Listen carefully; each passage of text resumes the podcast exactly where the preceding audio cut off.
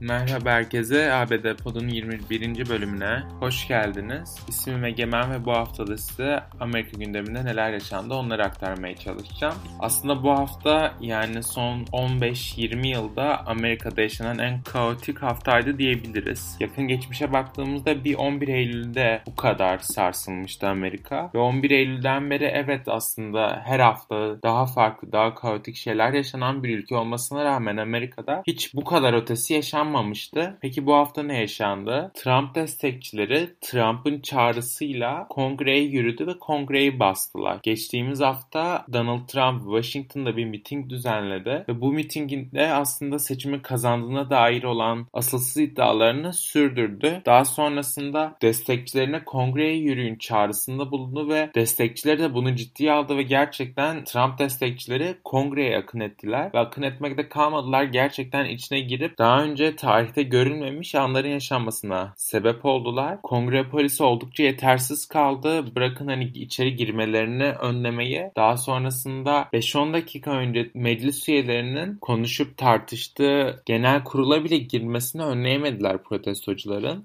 Dediğim gibi hemen öncesinde 5-10 dakika öncesine kadar temsilciler meclis üyeleri ve senatörler Biden'ın zaferini onaylamak için toplanmış bulunuyorlardı ve bu süreç işliyordu yavaş yavaş. Ancak bir anda bu baskın gerçekleşti gerçekleşince kongre üyelerine tahliye etmek zorunda kaldılar ve bu kongre üyelerinin arasında, bu siyasiler arasında başkan yardımcısı Mike Pence de vardı. Trump destekçileri o kadar ileriye gitti ki aralarından bir tanesi Temsiller Meclisi sözcüsü Nancy Pelosi'nin odasına girip odayı yağmalayıp daha sonrasında ayağını Pelosi'nin masasına uzattığı şekilde bir poz verip bunu sosyal medyaya taşıdı. Daha sonrasında bu ismin yaşadığı yerde gözaltına alınıp sonrasında tutuklandığı bilgisi de geldi. Güvenlik güçleri bu insanları uzunca bir süre çıkartamadılar kongreden. Bazı kongre üyelerine maskeler dağıtıldı. Biber gazından, sis bombasından etkilenmesinler diye. Kongre polisinin ve güvenlik görevlilerinin yetersiz kalması da ayrı bir sıkıntı aslında. Yani ülkenin en korunaklı olması gereken yerinin bu kadar korunaksız olması ve bu insanların bu kadar rahat bir şekilde ülkenin kongresine girebilmesi yapabilmesi, baskın yapabilmesi mümkün olmamalıydı ki birçok siyasi de bununla ilgili düşüncelerini paylaştı. Washington DC Belediye Başkanı şehrinde, bölgesinde sokağa çıkma yasağı ilan etti akşama kadar. Daha sonrasında Virginia valisi eyalet güçlerinin, eyalet güvenlik güçlerinin kongreye destek olarak yollanacağını açıklandı ki günün ilerleyen saatlerinde Trump ulusal muhafızları da bölgeye gitmek üzere yola çıktığını belirtti. Aslında ulusal muhafızların aktive edilmesinde çok geç kalındığı da bir tartışma konusuydu çünkü kongre işgal altındayken ülkenin ulusal muhafızları nerede sorusunu sordu birçok vatandaş ki aynı hükümet, aynı Trump yönetimi, aynı ulusal muhafızları geçtiğimiz aylarda yaşanan, geçtiğimiz yaz yaşanan Black Lives Matter protestolarında kolayca ve hiç düşünmeden aslında üzerine aktif edip bu barışçıl protestocuların karşısına çıkarmışlardı. Yine aynı protestolarda polisin, güvenlik güçlerinin protestoculara nasıl davrandığını, ne kadar sert davrandığını ve ne kadar fazla sayıda insanı gözaltına aldığını da biliyoruz. Bunun hemen birkaç ay sonrasında Trump destekçisi aşırı sağcı ve beyazların üstünlüğünü savunan dediğimiz white supremacist insanlar ülkenin kongresini bastığında polis neden aynı sertlikte karşılık vermiyor sorusunu soruyor doğal olarak ülkedeki vatandaşlar. Neyse ki ilerleyen saatlerde kongre bu işgalden arındırıldı ve kongre üyeleri yeniden toplandılar Biden'ın zaferini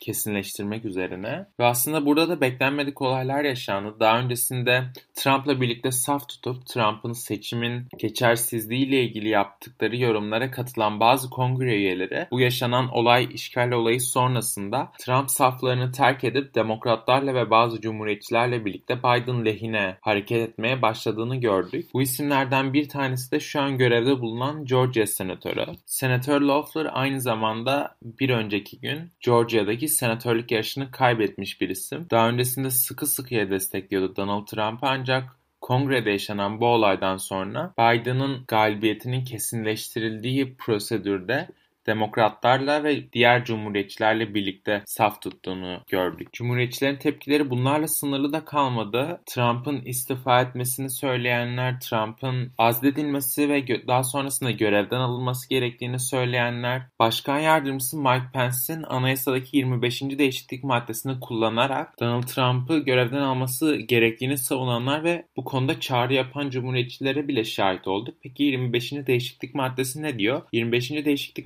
maddesine göre başkan yardımcısının yani Mike Pence'in mevcut başkanın görevlerini sağlıklı bir şekilde yerine getiremediği durumlarda kabinenin de çoğunluğunu alarak başkanı koltuğundan edebiliyor. Eğer mevcut başkan bunu kabul etmediğinde ise konu kongreye taşınıyor ve kongrenin onayı gerekiyor. Bu konuda Mike Pence'e çok fazla çağrı yapıldı hatta hala da yapılıyor. Geçtiğimiz günlerde Temsiller Meclisi bununla ilgili bir yasa tasarısı geçirdi ve Mike Pence'e 25. değişiklik maddesini kullanması yönünde çağrı yaptılar. Eğer çağrıları olumsuz sonuçlanırsa, eğer Mike Pence 25. maddeyi kullanmaz ise Temsilciler Meclisi Donald Trump'ı azil edeceğini açıkladı. Yani Temsilciler Meclisi'nde demokratların çoğunluğu var ve buna rağmen bazı cumhuriyetçiler de demokratlara bu konuda destek veriyor. Minnesota temsilcisi İlhan Omar'ın çağrısıyla başlayan azil sürecinin sonuçlanması için Mike Pence'in cevabı bekleniyor. Eğer Mike Pence tamam uyguluyorum 25. maddeyi derse böyle bir şeye gerek kalmayacak. Ancak demezse Temsiller Meclisi'nin Donald Trump'ı ikinci defa azil etmesi bekleniyor ki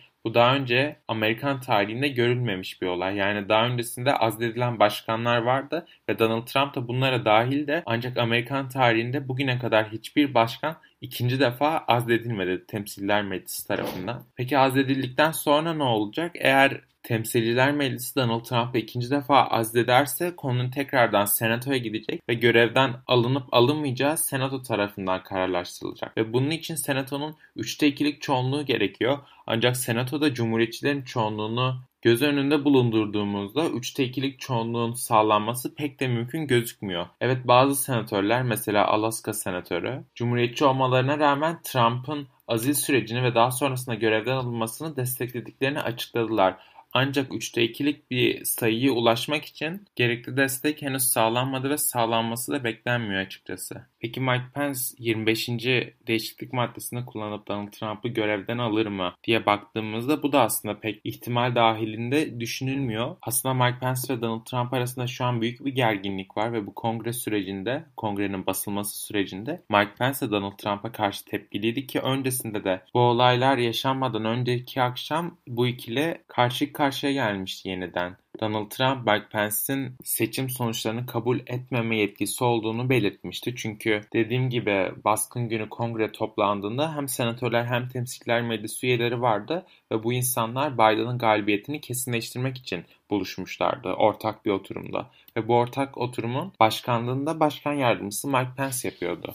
Dolayısıyla Donald Trump önceki gün asılsız bir şekilde Mike Pence'in seçim sonuçlarını bu şekilde kabul etmeme yetkisi olduğunu belirtmişti ama daha sonrasında Mike Pence yaptığı yazıda açıklamasında bu tarz bir etkisinin olmadığını belirterek aslında Trump'ı hayal kırıklığına uğratmıştı diyebiliriz. Çünkü 4 yıllık sürece baktığımızda bu ikili ilk defa bu şekilde birbirlerine ters düşmüş oldu. Ve zaten Donald Trump da Mike Pence'i korkaklıkla suçladı ve linç kampanyasına Pence'in ismini de ekledi. Ama Mike Pence kendisi istese dahi kabine üyelerinin çoğunluğunu alabilir mi? Bu da ayrı bir muamma çünkü şimdiye kadar istifa eden bakanlar oldu. Eğitim Bakanı, Ulaştırma Bakanı hatta İçişlerinden sorumlu bakanlar istifa ettiler. Dolayısıyla Trump'la ayrı düşen bakanlar istifa etmeye başlayınca kabinedeki Trump muhalifleri sayısı da azalmış ve 25. maddenin kullanılması ihtimali de azalmış oluyor. Demokratlar özellikle Kongreso Ocasio-Cortez bu konuda çok tepkiliydi. Çünkü bakanları korkaklıkla suçladı. Aslında haklıydı da. Çünkü Cortez'in iddiasına göre ki bence bu makul ve mantıklı bir iddia. Bu bakanlar Trump'ın görevden alınma sürecine destek vermemek için, bu desteği vermekten korktukları için istifa ederek aslında bir noktada kolaya kaçmış oluyorlar. Çünkü 25. değişiklik maddesi kullanılmak istendiğinde bütün bakanlara çok büyük bir sorumluluk düşecek. Bir anda bütün gözler onlarda olacak aslında. Dolayısıyla bundan çekinen ve bundan korkan Daha sonrasında Trump ve destekçilerinin tepkisinden korkan bakanlar istifa ettiler. Bu da aslında 25. maddenin kullanılması konusunda büyük bir dezavantaja sebep oldu. Peki önümüzdeki günlerde ne yaşanabilir? Aslında beklentiler Mike Pence'in olumsuz bir şekilde cevap vermesi yönünde kongrenin teklifine. Yani 25. değişiklik maddesini kullanması pek de ihtimal dahilinde gözükmüyor. Daha sonrasında kongrenin yeniden toplanıp aziz sürecini hızlandırması ve Donald Trump'ı ikinci defa azil etmesi bekleniyor. Sonrasında konu senatoya gittiğinde ise senatoda 3'te 2'lik çoğunluğun sağlanıp sağlanamayacağı aslında şu andan bunu tahmin etmek zor ama büyük bir ihtimalle bu çoğunluk sağlanamayacaktır. Çünkü cumhuriyetçilerin de büyük ölçüde desteklemesi gereken bir durum. Bu süreçte aslında Donald Trump da sessiz kaldı çünkü susturuldu bir bakıma. Twitter hesabı öncesinde sınırlandırılmıştı. Daha sonrasında kökten kapattılar Trump'ın hesabını. Aynı şekilde Facebook, Instagram, Snapchat, TikTok, App Store, Google Play yani aklınıza gelip gelebilecek bütün büyük teknoloji şirketleri Donald Trump'ın kendi uygulamalarını kullanması konusunda bir sınırlama getirdi. Bunun sebebi ise Donald Trump'ın görevi bitene kadar bir kez daha böyle bir olaya yol açabilmesini engellemek. Bu haftaki bültenimiz bu kadardı. Haftaya görüşmek üzere. Teşekkürler.